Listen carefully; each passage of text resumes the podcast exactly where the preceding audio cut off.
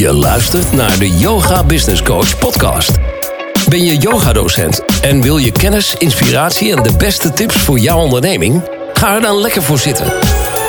Want hier is, vanaf haar mat, helemaal zen en bruisend van de beste ideeën. Met interviews, Q&A's en talks. Corine van Zoelen. Welkom bij de Yoga Business Coach podcast. En vandaag aflevering 176. En in deze aflevering interview ik Miranda van Driel uh, over ondernemen zonder social media. En mocht het zijn dat je meer wil weten over Miranda of over hoe het nou precies zit, check dan de show notes pagina www.deyogabusinesscoach.nl slash 176. In deze podcast hebben we het ook over mijn community, de nieuwe wereld, netwerk community. En daar kun je dus ook meer over vinden op deze show notes pagina. Op deze community uh, verbind ik andere ondernemers met elkaar. En uh, mogen ze ook hun kennis delen. Krijgen ze een podium binnen de community. Um, kunnen ze daar workshops of uh, lezingen geven. En kunnen we elkaar daarin volgen. Uh, ook deel ik daar uh, coach calls en heb ik mastermind sessies. En gaan we dus met mastermind sessies gaan ze in kleine groepjes uit elkaar. Maar ik geef ook masterclasses over bepaalde onderwerpen. En er zijn Q&A calls, dus zodat ze altijd hun vragen kunnen stellen aan mij als, uh, als business coach. Nou, je vindt heel veel meer zeg maar, over de nieuwe wereld netwerkcommunity. En ook dat vind je op de show notes pagina www.deyogabusinesscoach.nl slash 176. Nou, als je dus gaat um, ondernemen, dan is het meeste wat iedereen nu denkt: oké, dan moet ik op social media zitten. En hoe ga ik dat dan doen? Nou, Miranda die helpt ondernemers met online ondernemen en dan het liefst eigenlijk zonder het gebruik van social media. Um, ze is gestart met haar eerste bedrijf en dat ging over sportkleding in 1994. En dat was dus nog ver voordat er internet in Nederland was. En het fascineerde haar en ze begon zelfs websites te bouwen en haar eerste webshop. En om bekendheid te krijgen moest ze ook meer aan online marketing gaan doen. En vooral dus zoekmachine optimalisatie. Dus om hoog in de zoekresultaten van Google terecht te komen. Nou, dat vond ze superleuk om te doen. En op dat moment was er helemaal nog geen social media. Nou, in 2017 heeft ze haar sportmerk verkocht en is ze zich volledig gaan richten op het coachen van ondernemers vanuit haar bedrijf. En heeft ze ook een training ontwikkeld, Start je eigen kledinglijn. En daarbij ging ze startende modeontwerpers uh, begeleiden. Nou, sinds kort heeft ze dan ook een online training, ondernemen zonder social media. En die is dus van start gegaan. En juist nu in deze tijd met heel veel censuur en verandering op social media, kun je er eigenlijk niet meer afhankelijk van zijn. En dat is natuurlijk wat ik ook altijd zeg tegen de deelnemers die ik begeleid. Zorg dat je een mailinglijst hebt en dat je de mensen rechtstreeks kunt benaderen en niet afhankelijk bent uh, bijvoorbeeld van een social media kanaal. Uh, want als ze in één keer de regels gaan veranderen of er is in één keer dus censuur, wat er op dit moment best wel veel is, of ze gaan inderdaad het algoritme veranderen, dan kun je je volgers niet meer bereiken.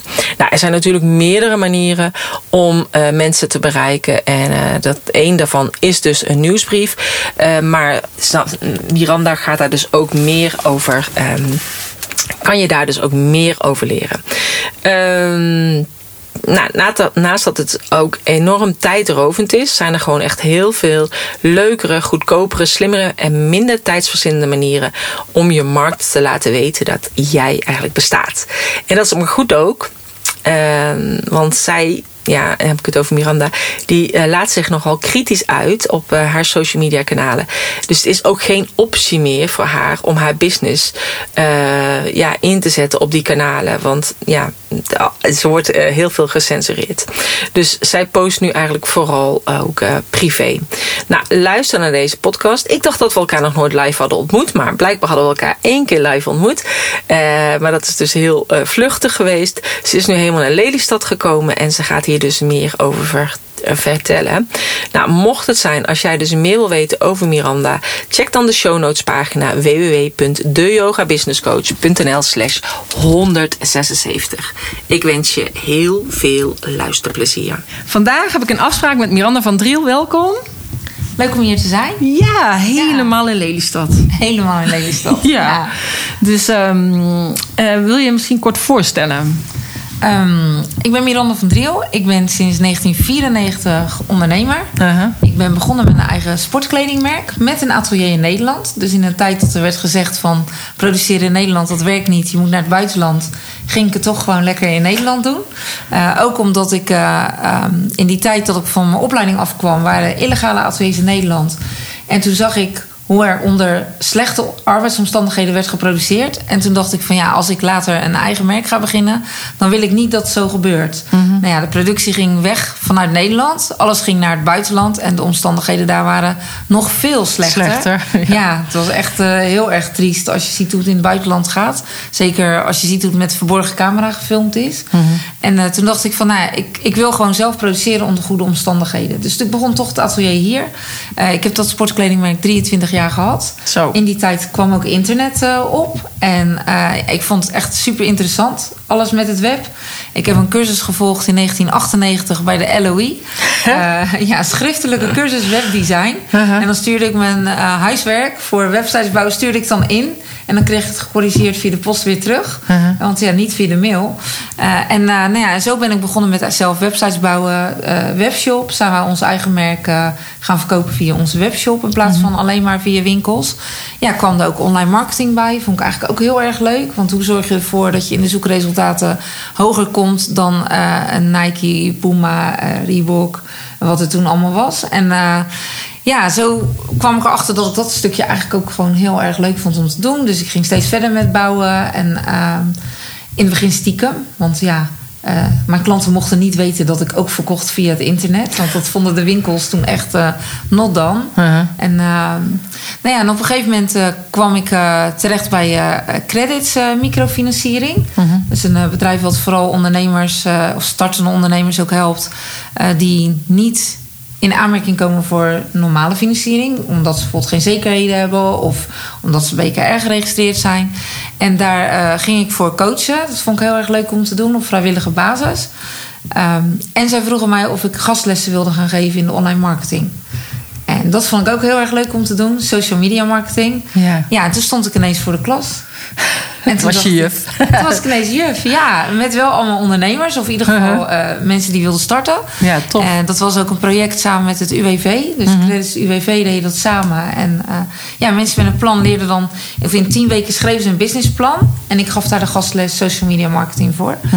En, um, en toen dacht ik op een gegeven moment... Ja, ik vind het eigenlijk helemaal niet meer leuk, dat kledingmerk wat ik doe.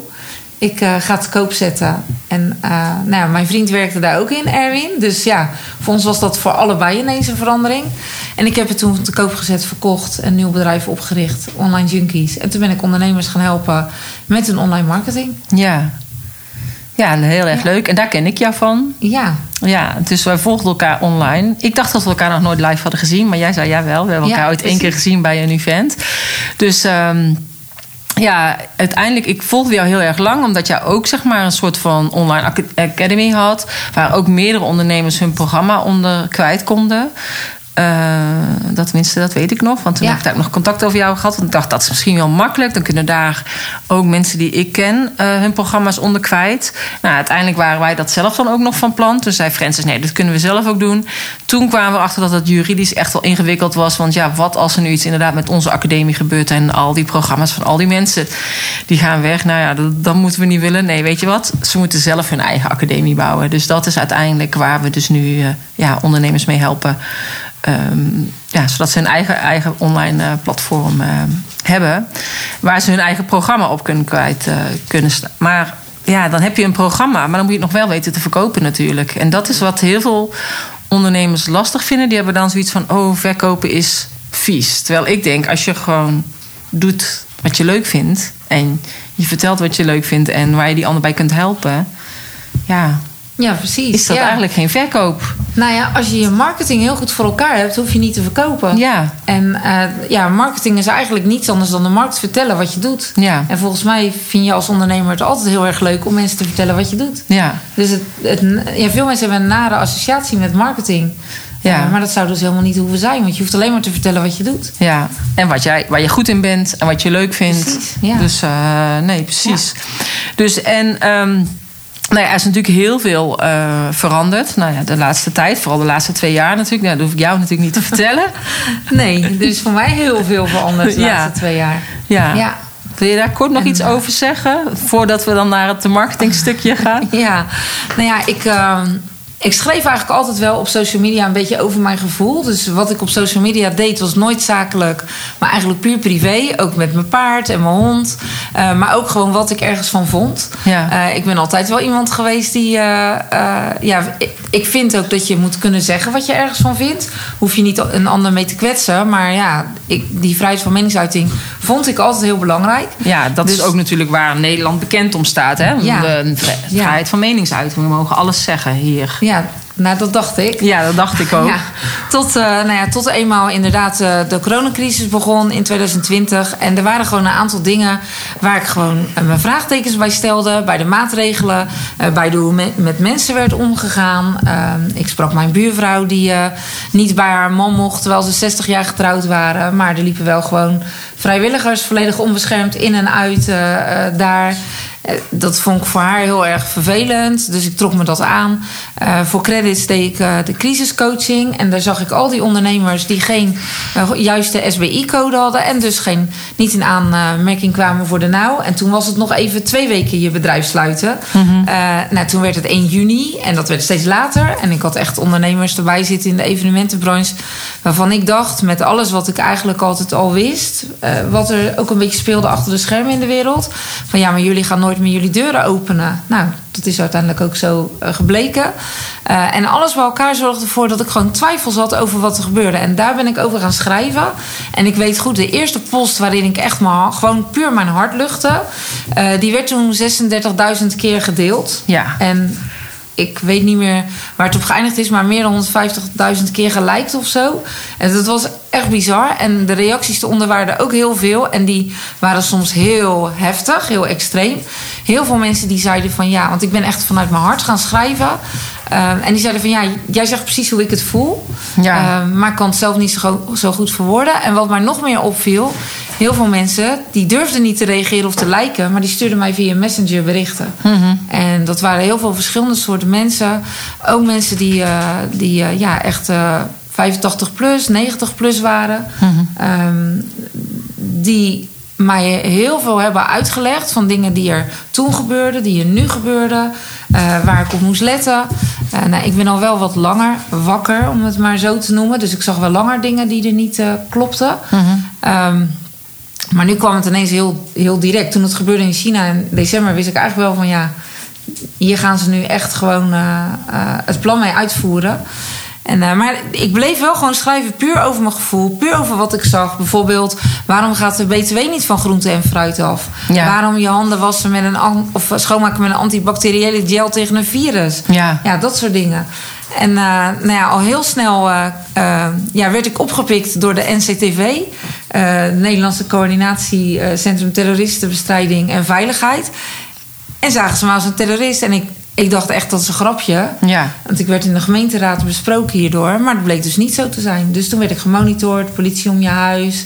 En als ik wat schreef, ja, dan kreeg ik ook wel eens politie aan de deur. Uh, nou, ik ben gaan demonstreren. Een keer mee geweest met mijn buurman van 71.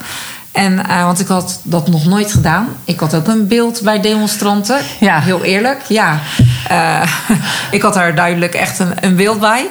En, uh, en toen zag ik ook het geweld wat daar gebeurde tegen mensen die daar gewoon vreedzaam zaten. Of sterker nog, er waren gewoon bejaarde mensen die zaten toevallig op dat bankje voor het Malieveld. En die werden ook door het waterkanon weggespoten. Terwijl die ja. volledig niks deden. En toen dacht ik van ja, dit is heel raar. Want de dag ervoor was er een BLM-protest. En daar kon alles. En zaten de agenten op hun knieën erbij. En nu waren ze volledig in ME-outfit en uh, was er zoveel geweld. Ja. ja, daar ben ik heel erg van geschrokken. En dan ga je over dingen nadenken. En toen dacht ik van ja, we moeten wel blijven uitspreken. En dat ben ik blijven ja. doen, met consequenties. Ja, precies. Ja. ja. en ik zag ook inderdaad die beelden. En dan zie je daarna die beelden op tv. En dacht, maar het klopt gewoon niet, weet je. Alles, of dat ik zag dan uh, video in verzet. Die waren ook heel veel aan het filmen bij zo'n demonstraties. En dan waren de boeren uh, tegen het stikstofbeleid. En dan was dat midden in de nacht. En dan... Uh, kwamen zelfs ook de, de kermisexploitanten. Ja. En er stond alles afgebarricadeerd met het leger en de wegen waren afgezet. En ik dacht, wow, dit komt morgen echt in het nieuws. En dan was er niks in het nieuws. Nee, nou, dacht ik, maar hoe kan dat nou? Ik heb het gezien via Facebook Live. Dus waar, waar, waar, waar, waar was het journaal dan of zo, Ja. weet je wel? Ja, of je staat met echt vele duizenden mensen en dan spreken ze in de media over tientallen. Ja. Dus er werd continu over gelogen. En ook ehm, ehm, ja, met de Romeo's. Hè, dat zijn de undercover agenten die vaak gewoon eh, als burger gekleed zijn. En dan bijvoorbeeld één of twee mensen eruit trekken, ineens onverwachts, waardoor andere mensen daarop reageren. Eh, ja, en dan wordt daar natuurlijk over gesproken dat het relschoppers zijn. Maar ja, ze zijn gewoon. Ze worden betaald door de Nederlandse staat om dit opzettelijk te veroorzaken. Ja. Nou, en dan gaat een Rutte vertellen van ja, maar die filmpjes die je ziet, die moet je niet geloven. Want dat is knip- en plakwerk, je ziet de juiste context niet. Maar ja, een livestream is een livestream. Ja. Daar valt niets in te, in te In te knippen. En, eh, en ja, daarnaast, ik stond er zelf. Ik heb Ja. het met mijn eigen ogen gezien. Ik Ja. heb gezien hoe mensen waar ik mee ben, eh, een vriendin met haar moeder, ehm, die dan in één keer gewoon helemaal in elkaar geslagen worden. Ja, dus ik heb het met eigen ogen gezien. En ik denk dan ook, dan kun je er ook pas wat over zeggen. Ja. En ja, daar ben ik me dus over blijven uitspreken. En dan krijg je dus ineens een probleem met de staat in alles wat je doet. Opdrachtgevers die worden gebeld. Ehm, ja, rechtszaken die je krijgt. eh, ja. ja, en dan denk ik, weet je, dit had ik niet verwacht in mijn Nederland. Nee, Het precies. zo vrije Nederland. En ik spreek best veel mensen die eh, hiermee te maken hebben gehad in het buitenland. Uh-huh. En die dan zeggen van ja, eh, in Nederland doen ze eigenlijk hetzelfde. Alleen ze doen fluwelen handschoenen aan om geen vingerafdrukken achter te laten. Ja, En dat is wel mooi gezegd, denk, ja. dat is hoe het is. En leef je in een land eh, waar, het, waar, waar je weet hè, dat, dat de overheid zo is, Mhm. dan ga je er anders mee om. Maar ik heb altijd gewoon, en dat heb ik nog steeds hoor, dat ik denk van hé, hey, ehm, ik spreek me gewoon uit. Ik doe niemand kwaad. Ik scheld niemand uit. Ik gebruik geen geweld. eh, ik plunder niet. Ik sloop niet. Eh, maar ik moet me gewoon kunnen uitspreken zonder dat ik daar iemand eh, bij kwets. Eh, en dat moet gewoon kunnen. Ja. En ja, als je in een land woont waar je weet dat je daar represailles van krijgt, ja, dan hou je je misschien In. stiller. Ja, eh, maar ja, ik vind nog steeds dat dat, dat dat niet het nieuwe normaal zou moeten zijn. Nee. En daarom blijf ik me nog steeds uitspreken, Ja. ongeacht de consequenties. Ja, ik moet zeggen dat ik ook echt wel in shock was toen ik zag dat inderdaad de politie bij jou aan de deur was. Dat ik echt dacht, wat? Waarom, weet je wel? Ja. Maar ja, dat, jij was er inmiddels al aan gewend natuurlijk. We hebben toen ook nog wel even contact gehad. En ehm, ja, het blijft bijzonder dat het zo is. En aan de andere kant denk ik ook dat het dus inderdaad nodig is... wat ik ook net ook al tegen jou zei... dat het ook echt nodig is om te zorgen dat nog steeds meer mensen ook eh, hun ogen gaan openen. En misschien dat sommigen het nooit zullen zien. Ehm, maar uiteindelijk ehm, ja, denk ik dat het er beter op gaat worden. Maar we zullen eerst nog een, eh, een eh, zware tijd tegemoet gaan. Ja, ik denk dat we wel een zware tijd krijgen. Ik moet ook heel eerlijk zeggen, ik geloof en ik vertrouw echt. Ja, dat is Tom. Ja, dit is een teken. ik vertrouw er echt op dat we een mooiere wereld gaan neerzetten. En weet je, als je huis gaat verbouwen, omdat je iets mooiers wilt bouwen, heb je eerst ook een puinhoop. Ja, moet je ook eerst alles afbreken. Precies. En ja, zij voor hun New World Order willen ze natuurlijk ook het systeem eerst kapot maken. Ehm, uiteindelijk voor ons om een betere wereld neer te zetten, moeten we dat eigenlijk ook. Dus Ja. een stukje zul je, is het meebewegen en Ja. terug daarin. Ja. Ja. Nee, nou, daar ben ik het ook helemaal mee eens. En ik denk ook, eh, alle dingen die dus nu wegvallen, hè, waar we het al over hadden, bijvoorbeeld de zonnebloemolie, die was toch al niet gezond voor ons. Precies. Dus ook Ja. dat soort dingen zullen allemaal eh, weggaan en er zal alleen maar betere dingen voor in de plaats komen. Maar, nou, het zal inderdaad nog een beetje een pittige tijd worden, maar daar moeten we ons op voorbereiden. ja. Dus, maar en ehm, nou, ook op social media gaat er heel veel veranderen. Dus tenminste, hè, we- nu hebben we natuurlijk Elon Musk heeft Twitter eh, overgenomen. Ik weet niet hoe jij daarover denkt, maar ja, Ik vind het nog een beetje dubbel. eh, vanuit zijn positie. Ja. Eh, ik vind het bijzonder om te zien dat de EU nu al dreigt van... Hè, ehm, ja, je moet je wel aan regels gaan houden. Dus je mag niet alles daarop gaan zetten. ja, misschien is dat juist wel heel mooi. Kan hij nu van binnenuit dat een beetje doen. Maar ja, ik vind, eh, ik vind het een ingewikkeld stukje. En eh, social media is... Dat zie je nu al, hè. Er is een groep... Zeker mensen zoals ik, die zich uitspreken, die continu blokkades hebben. Eh, er is een groep die heeft nergens last van. Ja. Dus ik heb meerdere accounts om uiteindelijk toch nog te kunnen blijven posten. Ik moet ook, bepaalde dingen kan ik niet zeggen, bepaalde woorden gebruik ik niet. Ik bedoel, ik zal nooit het woord corona gebruiken in mijn post. Dat heb ik ook nooit gedaan. Ehm, ja, er is een groep die het heel goed merkt. En er is een groep die er minder last van heeft. Ja. Maar we gaan er allemaal gewoon last van krijgen. Ja, maar ik denk dat heel veel mensen denken van ja, censuur, waar heb je het over? Terwijl ik denk, nou, die is er wel degelijk. Niet alleen op Facebook, maar ook op LinkedIn. En ook inderdaad op Twitter en eh, op YouTube. Maar ehm, ja, ik heb zelf zoiets dat ik denk, ja, met, met, met Elon Musk. Ja, ik weet niet. Het lijkt inderdaad heel erg mooi, maar ik, ik geloof hem niet. En, eh, en ik denk inderdaad, hoe wil je aantonen dat eigenlijk echte mensen zijn? Nou, dan moet je dus inderdaad je ID gaan doen. En dat is precies de bedoeling. Ja.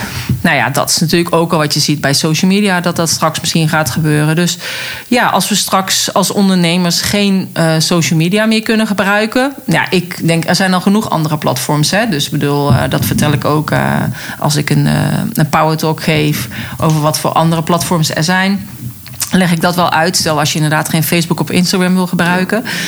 Ehm, maar stel je wil helemaal geen gebruik maken van social media. En je wil dus toch een bedrijf runnen. Kijk, vroeger deden we het allemaal zonder social media. precies, ja. Maar inmiddels, als ik tenminste vooral ook naar mezelf kijk. Vroeger had ik meer de mensen in Lelystad en omgeving die mij wisten te vinden. En dat was toch eigenlijk wel voornamelijk wel via Google ook. Eh, en ook uiteindelijk via Facebook. Ehm, maar ik, inmiddels bereik ik steeds meer mensen in het hele land, maar ook buiten Nederland. En dat is wel het voordeel van online ondernemen. Dus ik heb ook klanten in Australië en in Mexico en in Dubai en in Aruba. Ehm, ja, dan als je geen social media hebt, ja, hoe gaan we dat dan doen? En ehm, nou, jij hebt daar een programma over gemaakt. Ja, ik heb een programma ondernemen zonder social media. Ja, dus ik dacht Ehm, dat is interessant. Ja, dat is Want dat is wat we nodig hebben in de nieuwe wereld. Ja, ja nou sowieso natuurlijk ook als je blokkades krijgt. Of er zijn al veel meer ondernemers in de gezondheidsbranche die bijvoorbeeld ook niet kunnen adverteren op Facebook. Dat is al veel langer. Ja. Dat was al, al voor zeg maar eh, de virustijd. Ja. En, ehm, maar ja, er zijn natuurlijk zoveel meer manieren. Alleen wat je vaak ziet, zeker ook met online marketing, is dat, en zeker ook bij startende ondernemers, of Mhm. mensen die nu beginnen met ondernemen, die dan zoiets hebben van ja, ik moet op social media. Maar ja, ik kom nog uit de tijd, toen was er geen social media. En weet je, wat ik er vooral aan zie is, je wordt ook heel erg afhankelijk van zo'n platform. En het kan in één keer verdwijnen. Net als Mhm. Ja. Hives vroeger. Ik zag toen ook ondernemers die helemaal zich ophingen aan Hives. Ja, en Hives stopte. Ja. Maar het kan ook heel simpel zijn dat bijvoorbeeld een platform, nou ja, of jou er afgooit, eh, of dat ze gewoon de- het algoritme veranderen en dat ze ehm, ervoor zorgen dat je gewoon minder bereik hebt. We weten allemaal dat een privéprofiel veel meer bereik heeft dan een bedrijfspagina. Ja, precies. Maar er zijn zoveel meer manieren. Alleen het zit zo nu in ons systeem dat alles om social draait. En ja, ik vind het dan heel erg leuk eh, eh, om ondernemers te helpen die geen social hebben of er vanaf willen. Of misschien eerst eventjes zo'n fase daartussen, dus minder met social media. En als je het dan doet, doe het dan goed. En ga ondertussen over op andere platformen daar. Ja. En andere manieren, vooral andere manieren. Want Ja, precies. ja, en zeker in die nieuwe wereld waar we ingaan, eh, gaat, wordt het ook steeds meer. ehm, ja, het is niet, niet lokaal per se dat het bij jou in de regio is, maar het is wel echt het mens tot mens. Ja. En er zijn, veel, er zijn gewoon heel veel andere manieren voor. Nou, ik denk uiteindelijk, zeg maar, hè, ik heb nu ook met mijn community, dacht ik, we kunnen altijd nog contact blijven houden. Hè, ook al is het dan niet via de mail, want ik zag ook altijd, het is goed om je mailinglijst op te laten groeien. Hè, want als inderdaad een platform niet werkt of je wordt geblokt, dan kun je altijd nog de mensen bereiken via de mail en kom je in een inbox. Ja. Ehm, maar desnoods dan eh, ga ik het per post versturen. Ja, dan weet je ook niet of het aankomt natuurlijk, of de postbode het bezorgt. Maar ook dat kan nog altijd. Of we gaan gewoon op bepaalde plekken afspreken dat we zeggen, nou, elke eerste van de maand dan zien we elkaar daar en daar. Ja. Er zal altijd een manier zijn dat we wel eh, contact met elkaar kunnen krijgen. En dan gaat dat ook via, via mond tot mond. Daar geloof Ja. ik ook wel in. Ik denk dat wij nu vooral. eh, Gewoon meebewegen met wat er op dat moment speelt. Ja, nou, denk ik. dat denk ik. Ik denk Ja. dat er ehm, ja, mogelijk echt zo'n tijd komt dat, dat internet niet meer voor iedereen eh, beschikbaar is. Dus dan zul je het buiten internet moeten doen. Mhm. En ik denk wat, wat een van de dingen is die ik afgelopen twee jaar heel veel heb gedaan. ehm, zeker door alle demonstraties, manifestaties bij elkaar komen. eh, eh, dus in real life. ehm, ja, daardoor die verbinding die er is. groepen waarbij je verbinding hebt met iemand uit de groep. Eh, waardoor je weer door die ene iemand het bereik binnen die hele groep eh, hebt. Op, op allerlei gebieden. Eh, voeding, wonen, nou ja, alles wat we nodig gaan hebben in de toekomst. Ja, dat je daardoor heel erg sterk wordt. En dan krijg je dus weer echt die mond-tot-mond en wat er verder in is. En het grappige vind ik wel, ja, we kunnen heel makkelijk online hebben we onze contacten met, nou ja, of Aruba of waar dan ook. Maar we vinden het eigenlijk heel erg moeilijk om te weten wat de mensen in de straat nou werkelijk doen en van je vinden. Ja. En dat is iets wat ik wel heb geleerd in deze tijd. Eh, door gewoon met mensen het gesprek aan te gaan. En omdat bijna iedereen het van mij weet, omdat ik er ja, eh, Openlijk helaas be- bekendheid door heb gekregen, eh, gaan mensen het ook makkelijk tegen mij vertellen. Ik weet bij mij in de hele straat wie er wel of niet geprikt zijn, bijvoorbeeld. Ze vertellen het zelf. Ja. En daardoor weet ik bijvoorbeeld ook dat wij met veel meer zijn dan zij ons willen doen geloven. Dus uiteindelijk, door weer meer het gesprek aan te gaan, echt oldschool marketing te gaan doen, op een makkelijke manier waar je gewoon fijn bij voelt, eh, ja, zie je dat het ineens makkelijker gaat en dat het ook veel leuker is. Ja. Weet je, het, het contact één op één is veel leuker dan alleen maar online. Ja, maar dat vind ik sowieso. Ik hou ook meer van de verbinding en de mensen live zien Ja. dan inderdaad online. Het is alleen heel fijn dat online die mogelijkheid er is. En het is makkelijk. Kijk, mijn Ja. bedrijf heet Online Junkies. Ja. En dat is omdat ik ook eh, heel graag online ben. Ja. Alleen ja, de balans eh, moet daar wel in zijn. En als je dan mensen ook gewoon in real life ontmoet, ja, wat minder oppervlakkig. En dat we wat meer ook gewoon kunnen uitspreken. Ja. Dat is eigenlijk iets wat ik voor de nieuwe tijd ook echt, eh, echt hoop. Dat we gewoon eerlijk kunnen zeggen wat we vinden. Dat we niet meer hoeven te pleasen. Mhm. Nee. Eh, maar dat we allemaal daar gewoon wat sterker in worden, sterker in onze schoenen staan. Maar ja, dat is ook een proces van binnenuit. Ja, En ik denk dat ook dat is hetgeen waar de mensen de afgelopen twee jaar heel erg mee ehm, ja, geworsteld hebben. Of dat ontdekt hebben bij zichzelf. Of bepaalde blokkades hebben doorgegaan. En ehm, ja, of trauma's aan hebben gekeken. En je moet ook wel stevig in je schoenen staan. Wil je nog ehm, ja, voor hetgeen wat komen gaat. Want we weten nog niet wat ons komen gaat. Maar ik denk dat we daar heel erg allemaal in uitgedaagd gaan worden. Ja. Nog meer. ja. Ik denk Dus- het ook. En ik, ja, ik geloof ook echt, eh, alles heeft een reden. Ja. En ik geloof ook echt eh, eh, dat we daarom nu hier zijn. Om uiteindelijk daarna op zoek te gaan. En dat je daar je kracht uit kunt halen. Ja. En ik denk ook heel eerlijk... ehm, als iedereen werkelijk in zichzelf geloofde... en vertrouwen in zichzelf had... hadden we heel dit probleem niet gehad. Nee. Want als iedereen ook het vertrouwen had in zijn eigen lichaam... in zijn eigen immuunsysteem... ja, dan was dit probleem er helemaal niet. En dan... ehm, heb je ook niet die neiging om een ander daarin te, te moeten volgen of een, een leider te moeten volgen. Ja. Want dat is iets wat we nu natuurlijk, wat heel veel mensen gewoon doen. Ja, want dan volg je gewoon je eigen innerlijke kompas. Ja, En dat is wat mij dus, eh, ja, ik vond het gewoon heel lastig in het begin. Want ik had natuurlijk ook allerlei vragen. Dus ik ging ook vragen stellen nog meer. Want ik had wel een idee van volgens mij zit het zus of zo. Maar ik denk, laat ik het nog maar in de vragenvorm eh, neerzetten in mijn post. Kreeg ik ook heel veel reacties op. En ehm, ja, heel veel negatieve, maar ook wel positieve. Eh, mensen die blij waren dat ik me uitsprak. eh, kreeg ik ook allemaal achter de schermen te horen inderdaad. Via Ja. Messenger. Eh, die dus niet durfden te reageren onder mijn post. Sommige mensen die mij inderdaad verrot scholden onder mijn post of gingen ontvrienden. Ehm, ja, ik denk ook, da- ook daarbij heb ik later te horen gekregen van heel veel mensen dat die daar toch in mij ook een soort voorbeeld hebben gezien. En dat is bij jou denk ik precies zo. Ja. Ik was ook heel blij dat jij je ook uitsprak. En ik zag ook dat heel veel andere online ondernemers die ik kende, die ik niet zeg maar live kende, maar gewoon alleen maar online, dat die zich ook uitspraken. Dus ik denk dat op een of andere manier. Eh, zijn wij daarom ook al eerder online gegaan of zo? Ik weet niet. Maar om inderdaad al te connecten of dat we ons dat voelden als ziel of hoe je dat ook maar Ja. noemt. Eh, en voelde ik daarin wel steun. Ook al wist ik niet waar je woonde of weet ik veel wat. Maar ja, zo heb ik het in ieder geval wel ervaren. Dat ik dacht, ik ben er niet alleen in. En ik, ik heb echt gehoopt dat ik het fout zag. Dat zei ik Ja. ook steeds. Ik hoop echt dat ik het fout zag en dan ga ik de rest van mijn leven sorry zeggen. Nou ja, tot nu toe blijkt gewoon dat, dat het nog niet. Ja, dat het gewoon allemaal klopte. Wat we hebben gezegd. uit. Alles En komt uit. Het is alleen wat wij destijds vertelden. Daar zit een vertraging in van drie kwart jaar of zo. ja, Maar uiteindelijk komt het. En dat zie je ook natuurlijk met al die op. eh, eh, verzoeken die dus nu allemaal eh, naar buiten komen. Maar ook daarbij vraag ik me af: weten mensen dat die aangevraagd zijn en wat daarin staat? En dat er nu een heel team is wat het helemaal aan het uitzoeken is. Waarin heel veel dingen die ja, zijn verteld door onze ministers gewoon volledig niet kloppen. Of dat er letterlijk wordt gezegd van we gaan de mensen gewoon een worst voorhouden. Ja. Of eh, wettelijk kan het niet, maar we doen het wel, want ze Ja. geloven ons toch wel. Ja, eh, het moeilijke is, mensen zijn eh, het moe. Ja. Dus mensen willen zich er niet meer in verdiepen. En, en een groep mensen zal ook nooit gaan toegeven dat zij ernaast hebben gezeten. Ja. Dus dat maakt het gewoon heel erg lastig. Ja. Ja, en ik heb zelf gewoon op een gegeven moment dacht ik, ik ga er niks meer over delen. Ik ben er helemaal klaar mee. En dan deed ik het niet. En dan was er weer iets. En dacht ik, ja, maar dit moet ik echt even delen, weet je wel. Dus dan deelde ik toch weer wat. Nou ja, dus dat was ook zo'n worsteling in mezelf. En ook daarin heb ik gewoon ook in die tijd elke keer, zeg maar, van pieken en dalen gehad. Ook qua emoties. Of dat boosheid, verdriet. En, weet je wel, hoe kan dit nou? En... ehm, maar uiteindelijk eh, ja, heb ik nu zoiets dat ik denk: van ja, ik heb gewoon geen zin meer om me tegen te vechten. Het is beter gewoon om iets nieuws te gaan bouwen.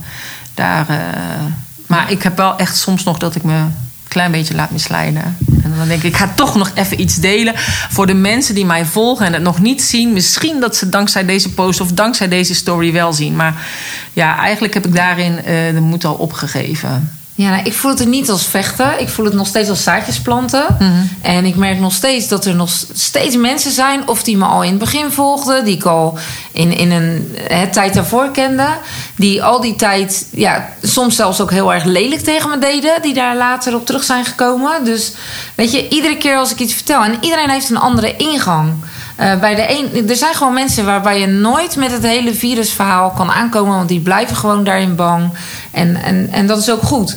Maar die zien dan daarna bij de oorlog weer dat er dingen niet kloppen. Of wat we nu gaan krijgen met het klimaat. Ja. Eh, en de hoge prijzen. En wat er met de voeding gebeurt. Wat natuurlijk eh, heel erg raar is. Want voor, voorheen kwam alles mee uit China. En nu komt alles mee uit de Oekraïne. En Ja. weet je, ja, die hoge prijzen waren er al. Brandstof was hier al heel Ja. erg duur. Dus ja, iedereen heeft een andere ingang. Ja, kijk, en het geld werd al bijgedrukt natuurlijk, digitaal. Ja. Omdat we een schuldenmaatschappij zijn. En, Ja. en nu ook dat ligt natuurlijk dan helemaal eh, aan die oorlog. Maar, kijk, ja, maar als, je, als je dus niet weet hoe dat zit, eh, zeg maar, in het hele monetaire stelsel... ja, dan geloof je ook dat verhaal. Ja. Dus... Nou, ik denk dat veel En het mensen is het al, zijn altijd weten. slachtoffers. Hè? Ik bedoel, er Ja. zijn nu altijd slachtoffers. En er zijn er aan allebei de kanten. Eh, ja, ik vind het gewoon heel vreemd dat er dan inderdaad mensen ge, ge- geboycott worden. omdat ze dus Russisch zijn. Dat je dan dus niet meer als Russische muzikant mag optreden. Of dat de Russische boeken verwijderd moeten worden. Of Russische sporters mogen niet meer komen. Ik denk, ja, zij kunnen er niks aan doen dat ze Russisch Nee. zijn. Als je zoiets zegt, dan ben je meteen een Poetin-lover. Dan denk ik van ja, weet je wel, het is gewoon. Ja, ik vind dat gewoon hele bizarre dingen. Ja, nou, ik denk persoonlijk, weet je, eh, er is altijd een strijd geweest tussen machthebbers en, eh, en het volk, de Ja. mensen. En de mensen zijn altijd de dupe. En de machthebbers die eh, ja, spelen naar mijn idee toch altijd weer op een of andere manier onder één hoedje om er zelf beter van te worden. Eh, en uiteindelijk ja, zijn degenen die onderaan die piramide staan, die zijn degenen die er eh, het last van hebben. Ik bedoel, dat zijn de moeders die hun kinderen naar de oorlog sturen. Precies. En, eh, ja. en het hele oorlogsverhaal wil ik me voor de rest ook niet te veel Nee, ik ook niet. mee bezighouden. Dat is wat er speelt. Ik zie dat het niet klopt. Maar we krijgen nog veel meer fases waar we ingaan. En eh, nou ja, zoals jij ook bezig bent met je nieuwe wereld. Ja, zo ben ik ook bezig met een groep mensen om mij heen. Wij doen lokaal gewoon heel erg veel. Waarin we ook gewoon ieders talenten benutten. En ja, de een zorgt eh, voor het verbouwen van groenten. En de ander heeft weer daar kennis van. En met elkaar eh, zitten een aantal veteranen ook bij. Dus die weten ook weer heel erg veel van overleven zonder ja, de luxe middelen die we nu hebben. En eh, dus dat, dat doen wij lokaal weer heel erg veel. Ja, Ja. Nou, wel mooi. Ja. En ik denk ook dat steeds meer dat soort initiatieven zijn er ook. Dus dat is ook alleen maar goed. Ik zeg dat ook inderdaad ook altijd tijdens die Power Talks... dat het heel goed is om inderdaad lokaal dingen op te zoeken. Want dat hebben wij hier in Lelystad ook. Ja. En we moeten echt meer met elkaar. En ik denk dat dat het probleem is. Ehm, wij zijn heel erg individualistisch geworden. Vaak weten we niet eens wat onze buren eh, doen. Nou, ik woon eh, toch wat meer op het platteland. Dus bij ons eh, is dat eh, wat makkelijker. Maar in de steden zie je dat sowieso. En je ziet gewoon dat, het, dat we echt een, een groepencultuur samenleving hebben. Terwijl als wij alles meer met elkaar zouden doen... dan hadden ze dit niet eens kunnen doen. Nee. En, en dat vind ik nu wel heel mooi eraan. Ik heb met heel veel mensen nu, nu vriendschappen waar ik het vroeger niet mee, waar ik vroeger niet mee in aanraking zou zijn gekomen. Ja. Ja. ja, daar ben ik echt heel erg blij om. En ik denk dat dit wel de boodschap is om gewoon als mens meer naast elkaar te gaan staan. Ja. Ja, dat denk ik ook. Uiteindelijk moeten we met elkaar verbinden en moeten we het samen doen. Ja. En uh, daar ben ik van overtuigd. Ja, waar wij wonen, wij wonen hier in een uh, centraal wonenproject. Dus uh, sowieso ken ik al mijn buren. Ja. dat is soms fijn, is maar fijn. Soms ook niet altijd. het is net een kleine maatschappij hier. Maar um, nee, ja, ik ben heel blij dat ik mijn buren ken. Want ik hoor inderdaad van heel veel mensen die, die niet eens weten wie er links of rechts van hun woont. Dat, ja. dat vind ik eigenlijk echt armoede dat je dat niet eens weet. En vaak ook helemaal niet over hoe ze hierin staan. Ja. En dan. nou, dat weet ik hier wel hoor. Dus, ja, maar veel mensen weten het niet. En dan op een gegeven moment is het toch van... hé, hey, maar ik had met mijn buren toch een keer ergens een gesprek ja. over. En nu blijkt dat ze ook uh, uh, ongevaccineerd zijn. Of uh, ja, dan is het gewoon heel erg fijn dat je dat van elkaar wel weet. Omdat je dan meer met elkaar op elkaar kunt bouwen en met elkaar kunt afspreken. Nee, ik heb twee buren die, die vinden mij een moordenaar... omdat ik zonder mondkapje naar de supermarkt ging. Dus ja, dus daarom. Ja. Dus dan, ja, het is fijn dat je elkaar allemaal kent. Maar dus iedereen staat er inderdaad anders in. Maar ook dat is helemaal prima. Ja, nou dat is hetzelfde. Ik vind ja. het ook prima als jij het doet. Maar hou mij ook gewoon dat ik mijn eigen keuze mag maken. Ja. Nou ja, en ik denk, ik heb een longziekte. Uh, dus dan zegt de huisarts, dan is het juist belangrijk dat je een mondkapje draagt. Maar ik krijg er juist benauwd, benauwd van. En ik denk, het kan nooit goed zijn. Nee. Uh, dat je zo'n ding voor je mond hebt. Dus uh, ja, ik doe het gewoon niet. Dus, nou ja, ik ben ook dat... longpatiënt. En ja. ik heb een arts die zegt dat je hem niet moet dragen. Oh, echt? Daarnaast draag ik hem niet. Nee. Want het is al lang bewezen dat het niet werkt. Nee, dat het schijnveiligheid is. En dat het een gedragsexperiment is. Ja, ja, ja dat, dat, staat nu allemaal in die verzoek ook. Ja, staat ook in de Nuremberg-code dat ja. zulke dingen niet mogen. Dus ik doe daar gewoon niet aan mee. Nee, nee. Nou, heel verstandig. Hey, en als mensen dus meer willen weten over ondernemen zonder social media... dan kunnen ze bij jou terecht. Ja, dat kan ik, ik zal uh, straks in de show notes ook alle gegevens neerzetten. Is er nog iets anders wat je denkt, oh, dat wil ik nog heel graag vertellen? Um, wat nog niet genoemd is, maar wat wel belangrijk is ook als ondernemer om misschien rekening mee te houden, of misschien op een ander vakgebied. Ja, nou, ik denk sowieso, uh, sowieso als mens, maar ook als ondernemer zou het gewoon heel fijn zijn als mensen toch wel steeds meer gaan vertrouwen op zichzelf. En juist door iedere keer uit die comfortzone, en ik weet het wordt heel vaak gezegd, zeker door heel veel coaches, maar toch iedere keer een heel klein stukje uit die comfortzone te komen en te gaan zien dat je veel sterker bent, dat je veel meer kunt dan je bijvoorbeeld uh, denkt. Dat is iets wat deze twee jaar mij wel echt uh, ja, hebben geleerd. En, uh, en daardoor heb ik ook veel meer mensen leren kennen. En weet je, spreek je uit, het klinkt altijd heel simpel, maar als we het hebben ook over de law of attraction, de wet van de aantrekkingskracht, juist op het moment dat je uitspreekt, krijg je de juiste mensen op je pad. Ja. En dat, gebeurt, dat is hiermee precies hetzelfde. Dus ja. ik denk als wij veel meer zouden uitspreken, uh, wat, als we iets zien dat er niet, iets niet klopt, um, ja, dat je dan veel makkelijker bij elkaar komt. En dat het eigenlijk het probleem zo opgelost zou kunnen zijn. Ja. Maar we doen het gewoon niet. We vinden het moeilijk. Nou, ik denk ook, zeg maar, door het feit dat al die ondernemers, en dan vanavond met de horeca, hè, want eerst was het steun de horeca, steun de horeca.